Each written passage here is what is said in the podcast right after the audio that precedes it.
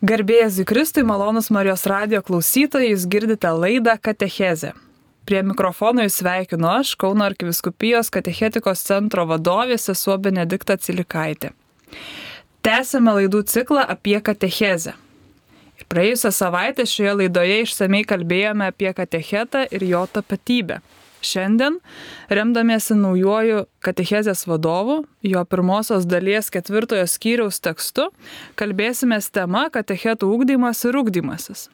Ir šiandien su manimi kartu Marijos radijos studijoje yra labai įdomus pašnekovas, Kauno Juozo Naujalio muzikos gimnazijos tikybos mokytojas, Vytauto didžiojo universiteto švietimo akademijos edukologijos mokslų doktorantas bei Švento Ignaco Lojolos kolegijos dėstytojas Marius Daugėla. Sveiki. Mariu, esate mokytojas, edukologas, dėstytojas, todėl savoka ūkdymas tikriausiai yra jūsų kasdienis žodis, toks pat įprastas kaip kavos podelis ankstų rytą. Tačiau ką šis žodis iš tiesų reiškia, kokį turinį savyje neša. Iš tiesų, kaip sakot, ar ne, kad na, ugdymas tampa na, tokia centrinė savoka, ar ne, bet kuo daugiau atrodo dirbi metų įvairiausiose na, ir srityse, na, ta žodis ima truputėlį blankti, ar ne, na, yra tas tokio kaip ir bet visada kažkur širdyje, mintyse tas, ta, ta savoka, ar ne, jinai lieka. Ir tai nėra tik savoka, tai kaip sakant, tai lieka na, padaryti tai kūnu ir krauju, ar ne, tokių gyvų. Ir iš tiesų, jeigu mes kalbam apie va, tą ugdymą kaip tokį, tai pirmiausia, tai būtų savoka susijusi su mokymu, lavinimu ir formavimu. Ir čia kiltų klausimas, o kogi? O kogi tas lavinimas, formavimas yra? Ir čia būtų galima sakyti, kad pati savoka ugdymas yra visiškai neatsiejama nuo vertybių. Pirmiausia, ar ne, ugdytojo ir ugdytinio santykis kaip toks, nes be jo, na, ugdymo procesas taptų niekiniu. Ir šiuo atveju, ar ne, kai mes kalbam apie ugdymą, tai turėtų būti vienas iš svarbiausių dalykų matyti ugdymo tikslus, ko mes siekiam, ar ne. Ir čia, va, ar ne, kai mes kalbam apie tą ugdytojo ir ugdytinio, na, va, tą santyki, dar aišku, mes galime imti iš įvairiausių ir, ir iš ugdymo filosofijos visokiausių perspektyvų, ar ne, kad atsiranda ugdytinio santykis su kontekstais, kuriuose jis na, atsiranda žmogus, bet vis tik tais, ar ne, mes atsiveriam vienam iš pačių svarbiausių dalykų - tai, kad žmogus taptų. Ir taptų kuom, tuo, kas jisai yra, ar ne. Tai yra apie jo asmeninį tapatumą, apie jį patį kaip žmogų. Ir vėlgi įgalinti ta vėlgi galbūt ugdymės įgalinimo savoka labai gal irgi diskutuotina gan plačiai, bet gebėjimai, tie patys intelektiniai, fiziniai ar ne praktiniai gebėjimai, kuriuos žmogus turėtų na, gebėti na, savo gyvenime taikyti. Tai čia vėlgi, sakau, būtų galima labai labai daug kalbėti, bet tai būtų galima taip keliais sinonimais įvardinti, kad tai yra mokymas, formavimas, lavinimas, asmenybės kaip tokios. Dėkoju Jums. Naujasis katechezės vadovas taip pat kalba apie ūkdymą ir apie ūkdymą kaip katecheto tapatybės formaciją. Turbūt tai yra ir apie tą patį, ir apie kažką kitą. Koks pagrindinis šio ūkdymo gal ūkdymosi tikslas? Vėlgi, a, būtų galima kalbėti iš tokių kelių perspektyvų, ar ne? Tai tokia viena perspektyva galėtų būti, kad kalbam apie katecheto tapatybės formavimas, ar ne? Ir čia mes turim du tokius dėmenys. Vienas tai yra ugdymas kaip toks, ar ne, kai katechetą kažkas ugdo. Ir mes turim tą dėmenį, kai pats katechetas ugdosi.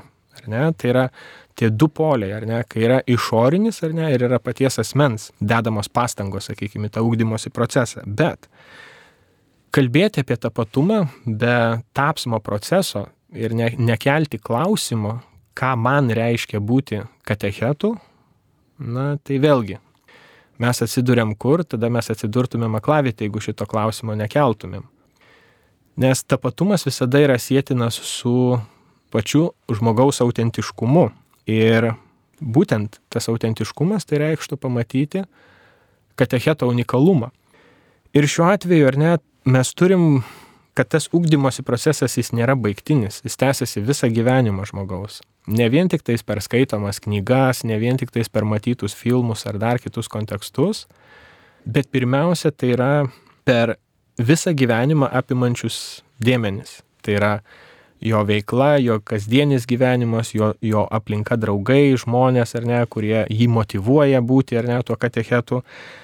Net ir tie patys kiti katechetai, imkim tokį dalyką, kaip bendruomenė, ar ne, kurioje jisai ugdosi, sakykime, ar ne. O kokius pavyzdžius šiandien mūsų katechetai turi? Čia būtų galima kelti tokį gerą klausimą.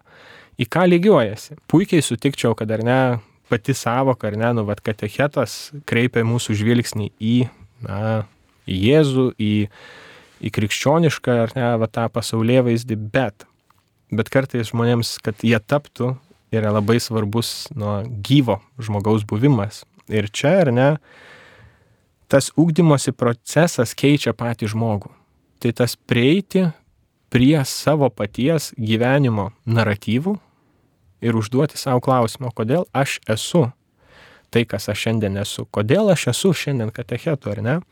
Ir aš drįščiau sakyti, kad kritinio klausimo uždavimas pačiam katechetui iš aplinkos, ar ne, sakykime, net galbūt ir to paties, na, dekanų, kunigų, kuriuose parapijos, jeigu veikia, ar ne, susitikimas su katechetais ir užduoti klausimą, ar ne, nu, va, kaip tu jautiesi, ar ne, va, tas pokalbis, per pokalbį atsiveriančios, na, to tapsmo galimybės, ar ne, kad palydėjimo, palydėjimo visoje toj kelioniai vienas iš tokių svarbių elementų. Tai gal aš čia įsiplėčiau ir tiesiog sakyčiau, kad vėlgi Jeigu mes kalbam apie ūkdymo procesą, kuris keičia asmenį, tai mes neturim atmesti ir transcendentinio ligmens. Šiuo atveju santykis su šventaja dvasia ar ne veda prie būtent to asmens dvasinio ligmens, kuris žmogų įgalina, kaip sakant, nešti tą evangelinę žinę ir duoti, na, kaip sakant, jai gyvasti ne tik parašyta, kaip sakant, Evangelijose ar ne tekstu, bet duoti jai gyvenimą per save patį.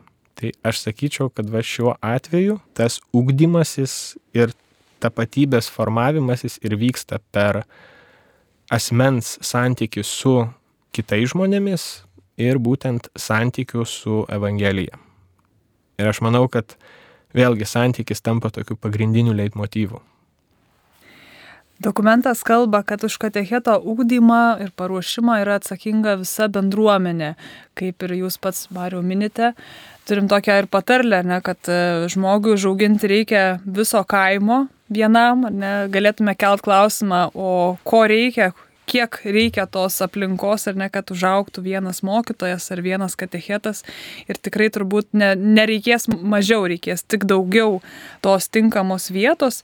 Gal pasidalinsiu trumpai savo patirtį, mes vienuoliniai bendruomeniai kaip seserys esam irgi raginamos turėti tam tikrą asmeninį metų ūkdymosi planą, įsivardinti savo tikslus, kurie apimtų ne tik tai dvasinio gyvenimo sritis, bet tai gali būti ir augimas e, moksliniai perspektyvoje, santykiuose, psichologinis, taip pat ir dvasinis augimas ir tiesiog išsigryninu savo tikslus, juos pagal uh, Amadėjo Čenčinį nuolatinės formacijos gairę siūloma tiesiog uh, turėti visada po ranka kažkur ant savo darbo stalo ar, nežinau, turėti priminimą telefone, kad nuolat ir nuolat matytum.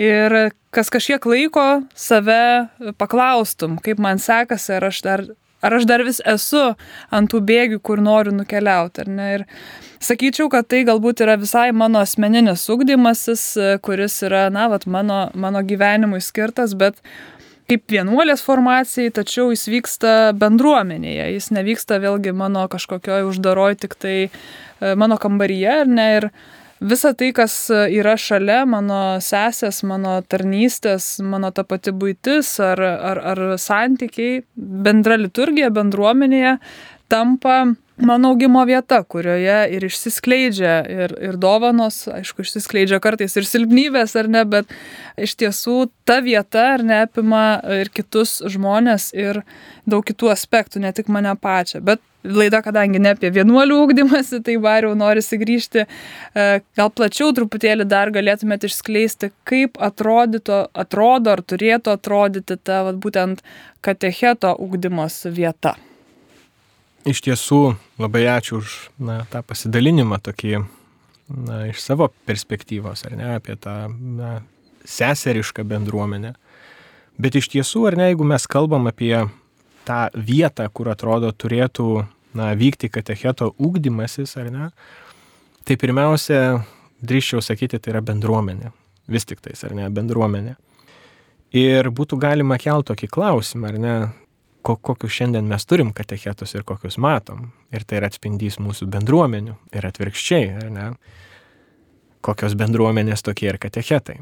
Tai ir čia labai jūsų gražus buvo pastebėjimas dėl silpnybių kad verta, kaip sakant, silpnybės pamatyti ir tose bendruomenėse tas silpnybės, ar ne, jų ne tai, kad užakcentuoti, bet mes skaitom ir Evangelijos, ar ne, kad vis tik tais tai, kur yra mūsų gėdos galbūt silpnumai, tai yra galimybė tapti mūsų stiprybėmis. Ir jeigu iš tiesų katechetas tose bendruomenėse turi palaikymą, ir tą palaikymą turi na, visą apimantį, na, visuminį tokį, tai tokiu atveju mes turim stiprybę tame, kad žmogus gali plėsti save ir auginti. Vėlgi, manau, būtų verta pastebėti tokį dalyką, kad na, kalbėti apie bendruomenę ne, ir būti tik tik bendruomeniai, na, viskas čia yra gerai, bet svarbu pamatyti ir platesnius kontekstus, ar ne, išeiti į platesnius kontekstus kas vyksta pasaulyje, kas vyksta galbūt e, ne tik Lietuvos bendruomenėse, ar ne, imti pavyzdžius, kas galbūt kitose vietose vyksta gerai ir mokytis iš to, ar ne.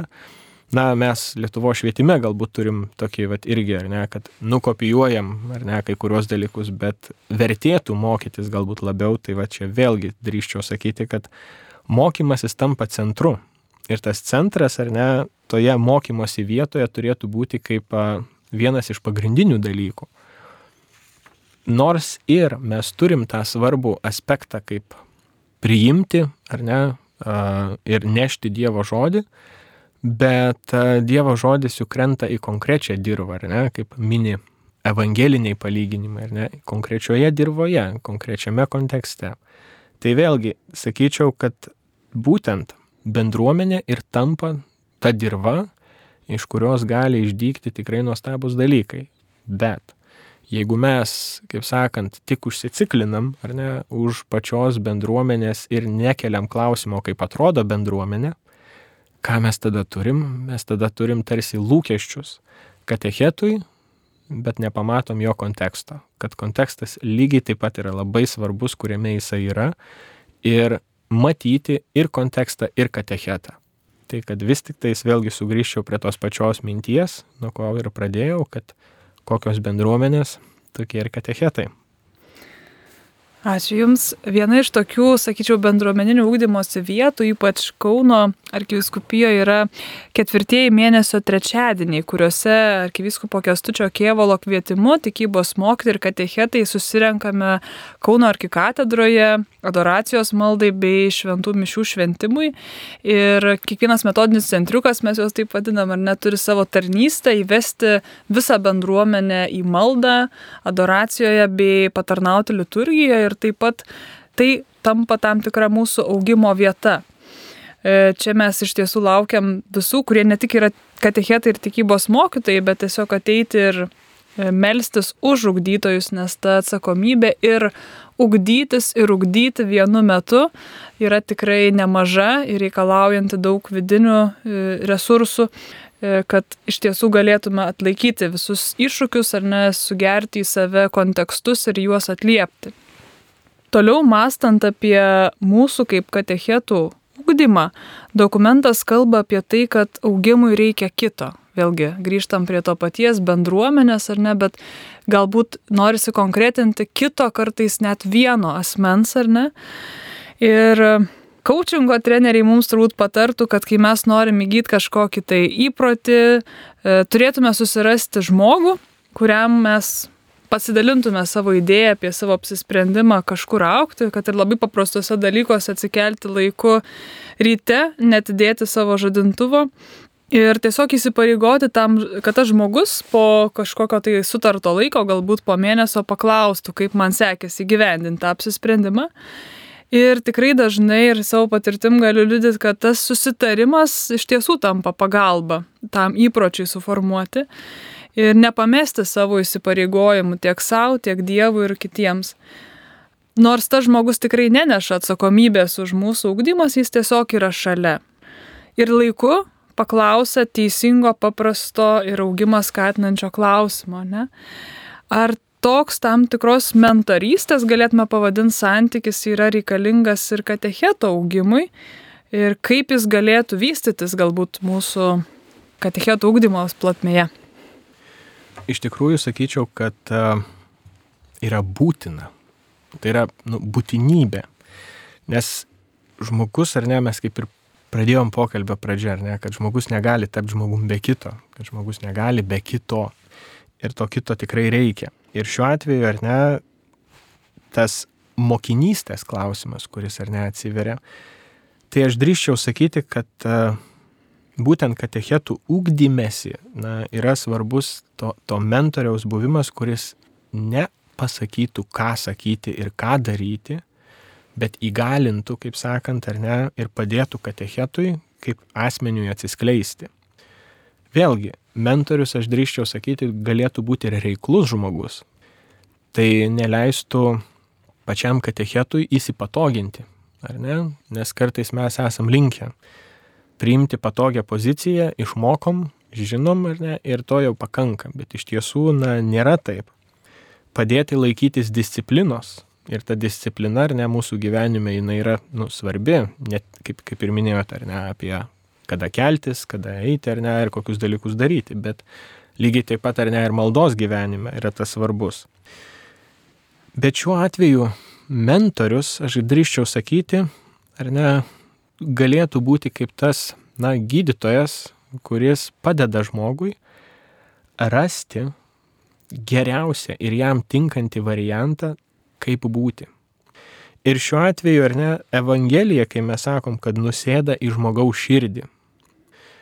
Mes žinom, kad tas nusėdimas, ar ne, evangelinio teksto, ar ne vien tik teksto, bet evangelinės žinios į mūsų širdis, jis kartais, na, atsiranda tam tikrų kliuvinių. Ir kad tuos kliuvinius įveikti, na, tam yra svarbus žmogus, kuris palydėtų ir neštų per tuos sudėtingus, sakykime, na, gyvenimo įvykius ir panašiai, ar ne? Bet ta evangelinė žinia, jinai susijungia su to paskiro asmens autentiškumu. Ir čia yra tas pats didžiausias grožis, kad evangelija nors ir išlieka tokia, kokia jinai yra, nepakitusi, bet jinai įgalina būtent tą asmenį, kuris skaito, kuris ją girdi, na, ugdyti save patį ir aišku, ugdyti kitus. Ir sakyčiau, mentorius ar ne, tai vėlgi, manau, kad kiekvienas galbūt turim savo gyvenime tą patirtį, kai mokėmės važiuoti dviračiu. Tai kažkam, kažkasgi turėjo mus prilaikyti ar ne, kad tą lygsvarą, bet yra tas laikas, kai mus paleidžia. Na, mus paleidžia ir, kaip sakant, Nu taip, tenka ir nugriūti, tenka ir galbūt ir nusibrozdinti, bet tai ir yra mokymosi kelias, mokymosi kelionė, jinai nėra tobula, jinai nėra auksinės nuostabios sąlygos, kuriuose augam ar ne, bet pasaulis nėra tobulas ar ne. Bet čia vat ir yra tas mentorius vis tik tais tame tarp žmogiškame santykyje. Užduotų paprastą klausimą, o kaip tu laikais, ar ne? Kaip tu gyvas, kas vyksta tavo gyvenime, ar ne? Nes kartais mes kalbam apie katechetą, kart atsiejus jį nuo jo paties gyvenimo. Bet iš tiesų gyvenimas vyksta daugia plotmiškai ir daugia kryptiškai, ar ne? Tai šiuo atveju, ar ne, tas katechetų, na, katechetų mentorystė, sakykime, ar ne, arba katechetų grupės na, buvimas, tai turėtų būti ta terpė, kurioje asmo gali skleistis autentiškai, bet nesuniveliuotai. Ir čia vat, būtent drįščiau sakyti, kad kartais bažnyčio iškyla tas toks, na, iššūkis būti suniveliuotam, tokiam, nu, vat, kaip visi. nors ir bandom išskirti tos dalykus, kad tarsi pasaulis bando suniveliuoti, bet dėja, tai ateina ir pas mus. Ir neturim to bijoti, aš drįščiau sakyti, pasakyti ir, ir kartu pamatyti, kokias problemas turėtumėm spręsti. Tai šiuo atveju katechetas kaip, kaip asmuo, ugdydamasis bendruomeniai, turėtų skleistis ir kaip asmenybė, ir kaip savo srities ekspertas. Labai ačiū už tą gražų įvaizdį, besimokant važiuoti dviračiu. Tiesiog ateina į galvą prisiminimas, kaip e, pačiai teko tą daryti ir jau tas pirmas sėkmingas stadiono ratas ir supranti, kad jau ir antras, ir trečias, bet toks, toks ateina tas jausmas, kad tavęs nelaiko ir, ir tėtis bėga tyliai šalia, ar ne? Tai turbūt ta sėkmybė turėti visada šalia e, žmogų, bendruomenę, e, kas tai bebūtų, ar net vienam gal etape daugiau remiamės į savo dvasios tėvą, gal kažkada įsijungia specialistai ar, ar tiesiog draugai, ar ne, ar mūsų kolegos, kurie gali bėgti šalia, kartais nuo karto prilaikyti, o kartais gal ir pasakyti, klausyk, važiuoji labai nesaugiai ir siena yra arti, ar ne. Tai turbūt tai yra būdas, kaip mes galim aukti ir atrasti tuos kelius, į kur norim nuvykti ir kur vežamės kitus, tuos, kurios lydim, ar ne. Mariu, pats esat mokytojas ir dėstytojas ir kasdien turbūt susidurite su klausimu, ypač su jaunesniais gal savo studentais ar mokiniais, ar ne, kurie turi atlikti tam tikrą užduotį, kad gautų įvertinimą, gautų pažymį, ar ne.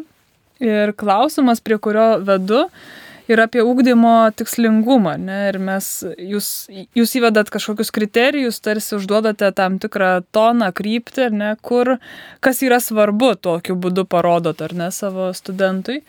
Ir be abejo, jeigu aš vat, minėjom apie važiavimą dviračiu, tai jeigu aš noriu išmokti, tarkim, plaukti ar ne, tai turiu turbūt tą ir daryti, negaliu užsimti kažkuo kitu ir mokydamasis kalbos e, neišmoksiu plaukti, nes tai nesusiję su mano tikslu.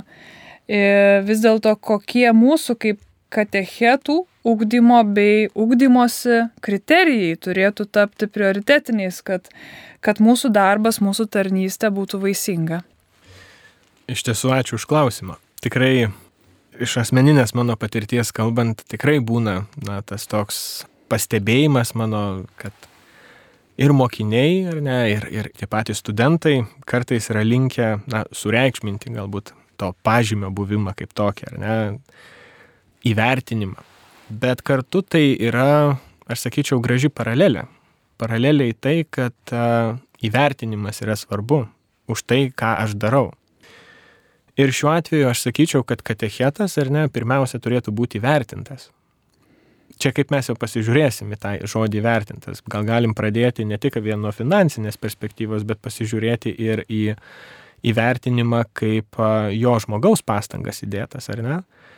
Bet kitas dalykas, ar ne, kalbant apie įvertinimą kaip tokį, yra svarbus ir geras žodis, geras pastebėjimas, ar ne, kad tu darai kažką labai gerai. Bet šiuo atveju drįščiau sakyti, kad na, tiek mano praktikoje, tiek ir mano kolegų, na, kai tenka kalbėtis ir diskutuoti, išryškėja vienas labai svarbus elementas - tai yra sveikumas. Kad vis tik tais mes kalbėdami apie sveikumą turim pabrėžti ne tik, kaip sakant, fizinę sveikatą, bet ir būtent tą dvasinę sveikatą. Pamatyti tuos kliuvinius, ar ne, kodėl, na, turiu aš pavyzdžių, kai, sakykime, dalis studentų na, yra buvę, kad ne, mes nenorim daryti vienos ar kitos užduoties ir pradedi jų klausti. O kur yra kliuviniai, ar ne, Vat, ka, kas atsitiko, ar ne, nu tai čia nenoriu ir pasirodo už to, ar ne, yra kažkokios baimės. Na, baimių buvimas, na, tai vis tik tais mus atveda prie vieno iš tokių na, dalykų, kad ko mes iš tiesų bijom, Na, čia Josefas Kembelas labai gražiai sako, kad to, ko mes na, labiausiai galbūt bijom, už to slypi lobis, na, kurio mes labiausiai ir trokštam. Bet sveikumas ar ne, tai atsiranda iš to, kai mes kalbam apie žmogaus autentiškumą. Kai aš galiu būti tai, kas aš esu ir mano, na, drįščiau sakyti, na, santykis ir su profesija. Na, būti katechetu ar ne, na, mano profesinis tapatumas, kad aš suvokiu, kad aš esu katechetas ir to iš manęs niekas netims. mano asmens susitapatinimas su profesija. Ir kartu, ar ne, vat, būtent veiklų integralumas, kad tai, ką aš darau, ar ne, kiek tai yra ir mano buvimo integralumas, ar ne, kaip mes tuos dalykus sujungiam, kiek aš matau, kad tai persipina su mano gyvenimu konkrečiai, ar ne, ir vėlgi, svarbu išskirti kitą dalyką, ar ne, kad katechetas, na, pirmiausia, tas dvasinis ir psichinis veikumas. Kad net jeigu, sakykime, aš kalbu su žmonėm ir žmogus kažką man lepteli netokio ir mano reakcija, ar ne, yra į, tą, vat, galbūt kažkokį, na, komentarą, tai būti tuo, na, sakyčiau, reflektyviu žmogumi ir pasižiūrėti į tai, o kas čia įvyko, kas, kas yra tame, kodėl mane tai taip sudirgino, ar ne?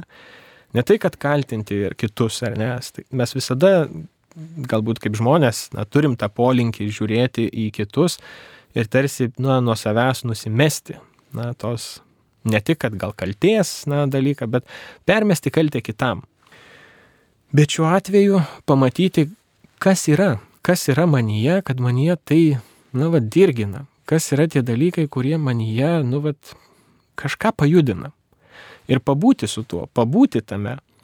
Ir vis tik tais, ar ne, yra svarbus, vat, mes prieinam prie to, kad nors ir savirefleksija, bet tai yra per ateinanti iš santykio su kitais. Ir šiuo atveju santykis tampa kaip pagrindas, ar ne? Kad katechetas, ar ne, vis tik tais um, ugdydamasis ir ugdydamas kitus, drįščiau sakyti, turėtų išgirsti, siekti išgirsti kitą. Nes mano kaip galbūt dėstytojo irgi patirtis, ką sako, tai jog svarbu išgirsti, kuo gyvena studentas. Ne vien tik tais atnešti žinę, ją pasakyti, bet kartu išgirsti, kaip tai susijungia ta žinia su studentų gyvenimais. Ir vėlgi, įvertinimas, ar ne, apie kurį aš kalbėjau truputėlį pačioje pradžioje, jis yra svarbus, bet ugdymo kelionėje yra labai svarbu nenumatyti kelio eigos, kur link yra einama ta, nors mes ir vedam žmogų prie susitikimo su Dievu, bet čia yra nedidelis pavojus, kad mes galim žmogui, na, katechetui primesti tą būdą, ar ne, tas katechetas gali primesti būdą žmonėms, ar ne, kaip jie būtinai turi susitikti su Dievu.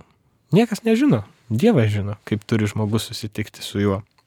Kadangi nors ir tie patys, na, truputėlį, jeigu kalbant ir iš edukologinės perspektyvos, ar ne, tai gyvenam pokyčio pasaulį, na, pokyčio laikė, kai atrodo viskas keičiasi ir keičiasi labai greitai, labai daug visko.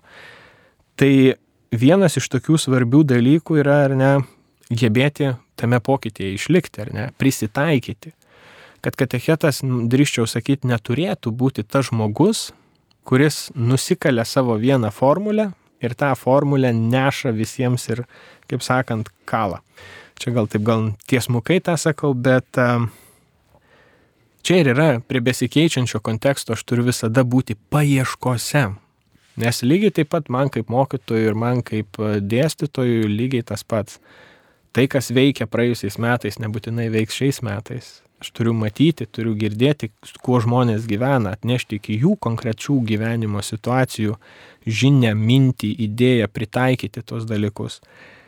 Ir vėlgi, nors ir turim nuomonių pluralizmą ir tai yra labai geras dalykas, ar ne, mūsų visuomeniai, bet išmokti priimti, kad nuomonės gali būti ir visai kitokios negu mano, ar ne, mano žvilgsnis. Ir drįščiau pasakyti, kad katechetas kaip asmenybė, na čia vėlgi aš gal pasitelksiu tą tokį na, savo aistrą fenomenologiją, turėtų mm, būti kaip tas asmuo, kuris, na taip kaip ateivis, nusileidžia kito žmogaus planetoje, nebando nieko keisti, bet eiti kartu su tuo žmogum. Ir tas ėjimas ir yra didžiausias grožis - pažinti, pažinti, kuo žmogus gyvena ir galbūt labai atsargiai, labai atsargiai, ar ne, ne, neišrašyti receptų, bet pasidalinti, va, ar ne, jeigu žmogus užduoda klausimą man, ar ne, nu, vadėsiu, sakykime, kaip, ką, ką man daryti. Aš nežinau, ką daryti visais gyvenimo atvejais, aš neturiu receptų, bet čia ir yra, kad mes esam, na, žmonės, kurie dalinamės. Ir tos dalybos, ar ne, mus ir priveda prie to pačio gražiausio dalyko, kad žmogus ir žmonės patys atranda atsakymų savyje, jeigu leidi ir palieki jiems vietos tų atsakymų ieškoti.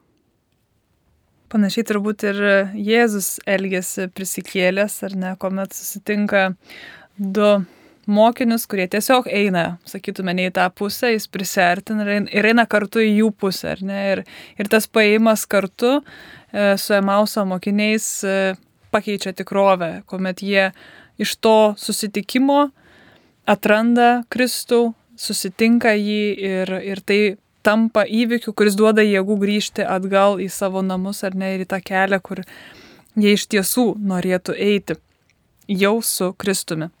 Man pačiai, beskaitant e, šį dokumento skyrių, kuriame truputėlį trypčiojame šiandieną apie katechetų būtent ugdymą, e, vienas iš labiausiai širdį uždegusių dalykų buvo aiškiai išskirti trys ugdymo aspektai, kurie, man atrodo, yra netgi labai aiškiai pailiui sudėlioti ir nereikėtų jų sukeisti vietomis. Būtent e, pirmas iš jų kalba apie tai, kad turime būti ir mokėti būti su kitu ką Mariu jūs jau išsamei minėjote, ar ne tas santykio dėmuo. Antrasis, nemažiau svarbus, yra žinios. Kalbam apie teologinį pagrindą, apie kitų mokslų indėlį, ar ne? E, tai turinio dėmuo, kad mes vis dėlto nešam ne tik save, ar ne, kad e, štai sukurkim pasitikėjimo kultūrą, ar ne, žmogų priimti, bet e, nėra, nesam patys svarbiausi šiame procese, ar ne? Turime E, kalbėti savo buvimu ir tekstu e, apie didesnę tikrovę negu mes patys. Ir trečiasis aspektas e, - praktinis gebėjimas veikti. Ko gero, galėtume susiaurintai sakyti, kad jau kalbam apie metodus, kaip tą padaryti.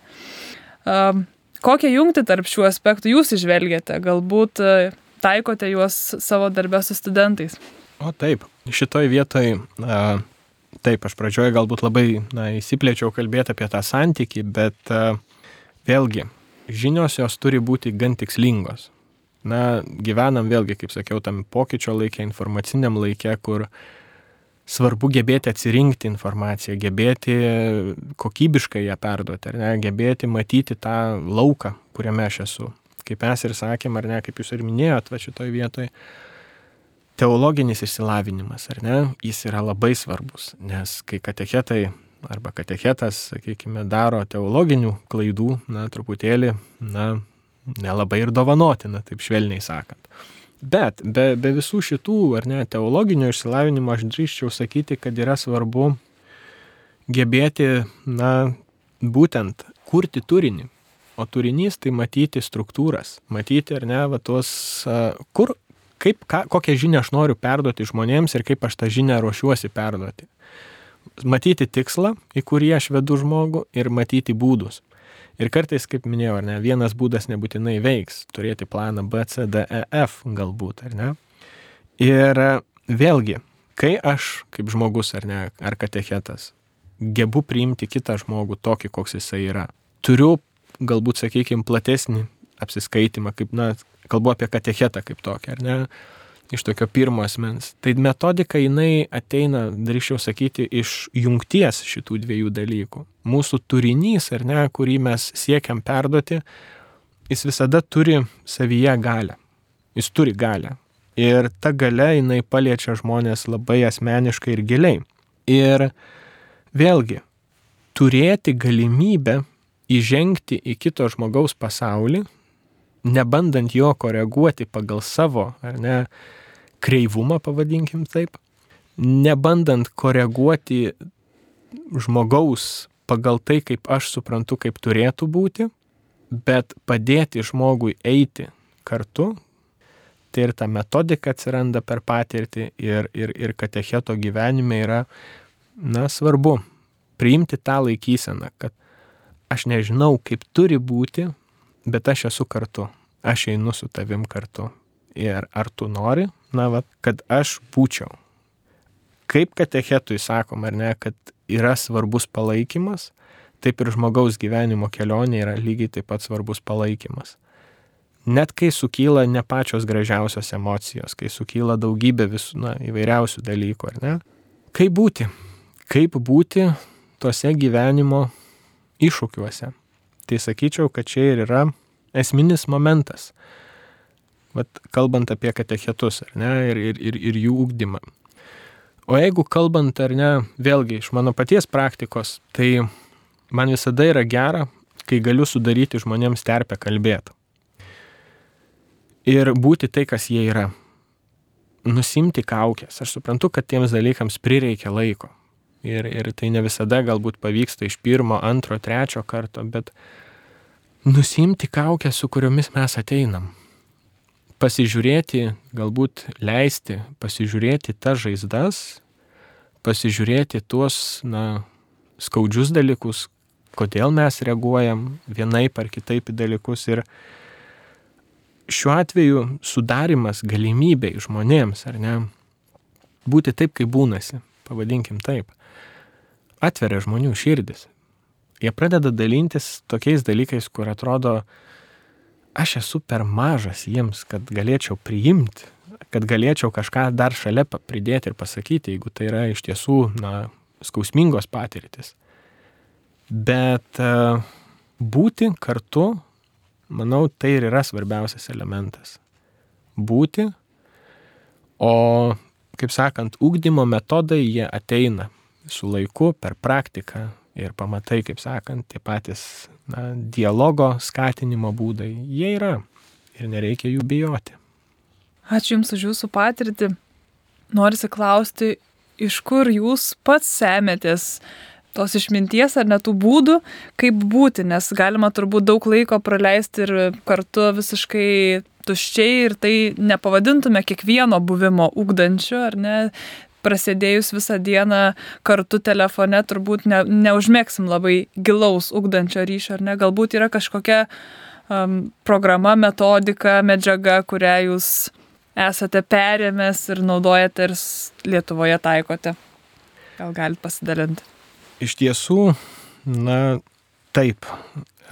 Visas šitas mąstymas, buvimas, ar ne, va, tai yra atėję iš vėlgi iš ne pačių geriausių galbūt mano gyvenimo dienų, bet e, vienas iš pačių gražiausių dalykų, kas yra ištikę, tai tokio daktaro Bobo Šuts programa, kuri iš tiesų kalba apie, na, visybiško žmogaus gydimą ir gyjimą.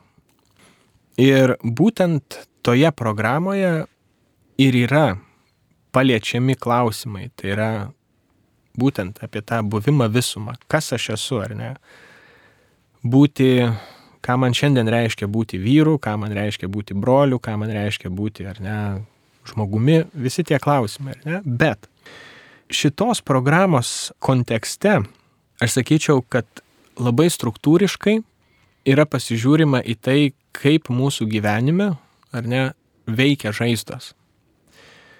Nes dažnu atveju, kas vyksta, ar ne, kaip ir pačioj programoje sakoma, kad mes nežinodami dalykų ar ne, elgiamės būtent taip, kaip mes elgiamės. Dažnu atveju, ar ne, jeigu mus žaidžiame, žaidžiam atgal. Ar ne, ir mes norim, atrodo, žaisti atgal.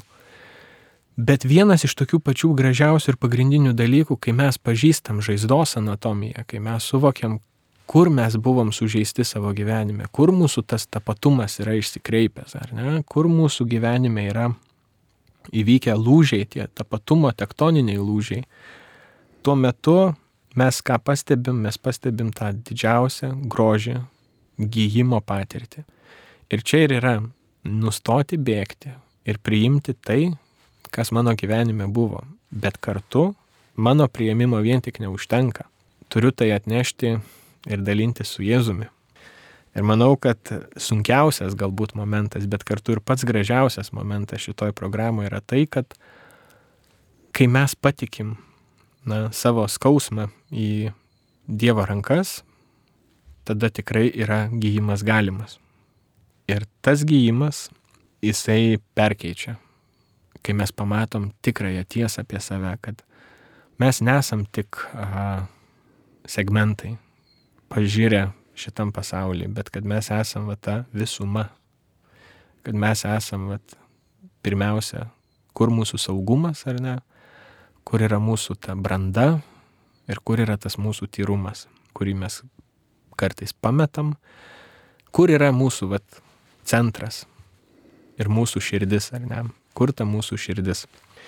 Tai gal labai čia poetiškai apie tai kalbu, bet um, iš tiesų tai susijungia, sakau, vėlgi, gyjimas jisai yra visada autentiškas, vėlgi. Nors, sakytumėm, sužeidimai pas kiekvieną iš mūsų yra gan panašus, ar ne, vienoje ar kitoje srityje, bet būtent gyjimas jis visada yra autentiškas. Neslėpti savęs nuo Dievo veido ir kartu neslėpti nuo savęs paties. Tai vad kaip ir minėjau, nusimti tas kaukės. Ir vėlgi mes galbūt uh, pamirštam tą jautrumą savo, būti jautriu savo. O kur man skauda šiandien? Nu, vad, kur? Ir pabūti su tuo, pasinešioti, kaip sakant, gal kažkokia neišgėdėta patirtis ir tą patirtį leisti savo išgėdėti, išnešioti, na, kaip, kaip, kaip mėgstu sakyti, apie rašymą, kad kai mes būnam, na, pastojame idėją, na, tampam idėjos nešiotojai, tai ją reikia išnešioti, kad jinai gimtų. Ir gimimo procesas ne visada būna lengvas. Ir tam, kad mes naujai gimtumėm, vėlgi yra iššūkių.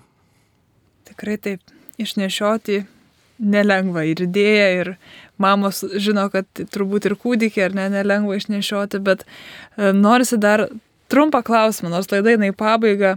Kiek teko pačiai domėtis šita programa, e, nors galbūt skamba e, iš pirmo žvilgsnio, kas nėra susidūrę ar ne, na kažkoks galbūt psichologijos, galbūt e, emocijų gydimo dar vienas būdas, bet kiek teko gilintis, tai yra labai stipriai katalikiškoje perspektyvoje įsišaknyjusi programa, kuri veda žmogų į susitikimą su Kristumi per galimybę giliai išgyventi sakramentus ir kad tai, kaip ir minėjot, ar netampa visybišku žmogaus perkeitimu.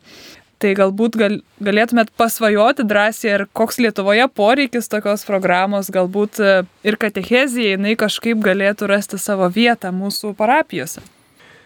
Iš tiesų, aš drįščiau sakyti, kad a, kiekvienoje šalyje taip pat nevengtinai ir Lietuvoje yra poreikis šito dalyko. Kas tai yra iš viso, ar ne, atrodo, vėlgi be jokio patizavimo, kalbant apie pačią programą, tai yra krikščioniškoji psichoterapija.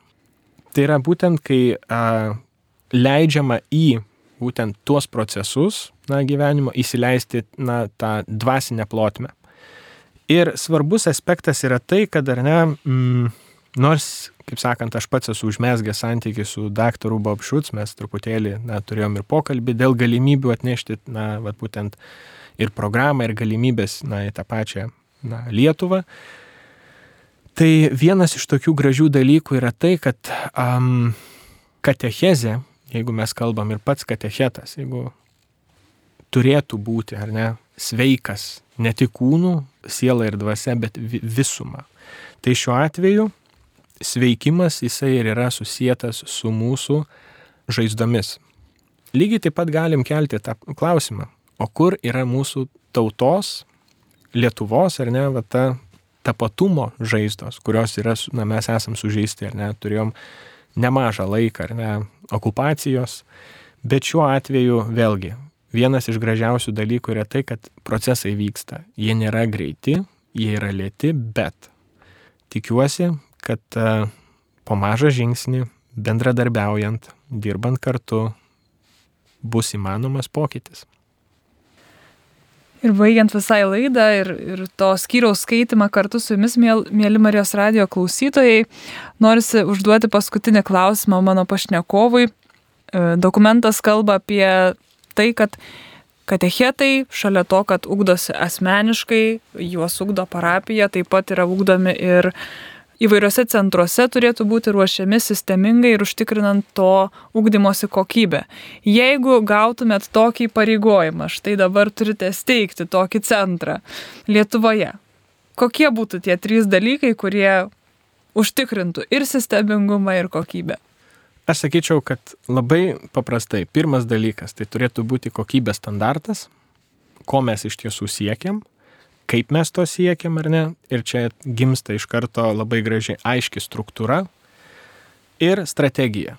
Be strategijos, be, kaip sakant, kokybės standarto, kokie vis tik katechetai turėtų ateiti pa žmonės, kaip turėtų atrodyti ar ne mūsų, sakykime, ta pati Lietuvos bažnyčia. Po dešimties metų, po dvidešimties metų. Labai rimtas klausimas jeigu mes neturim, ar ne, va to matymo, tai ką mes tada turim. Tai šiuo atveju, ką aš daryčiau, tai pirmiausia, ar ne, paprastai taip sakant, juokiantis, ar ne, bet pirmas dalykas - sukurti kokybės standartą. Ko mes siekiam? Ir aš manau, kad tam reikėtų, ar ne, mūsų Lietuvos katechetikos centrų, galbūt ir arkiviskupų, ar ne, bendro dialogo Ir tas dialogas, ar ne, jisai drįščiau sakyti, turėtų būti, na, atvirumu grindžiamas, ar ne, pamatyti net ir iš tos pačių parapijų, ar ne, na, pasauliečių žmonės, ar ne, kurie veikia parapijose, kaip jie mato.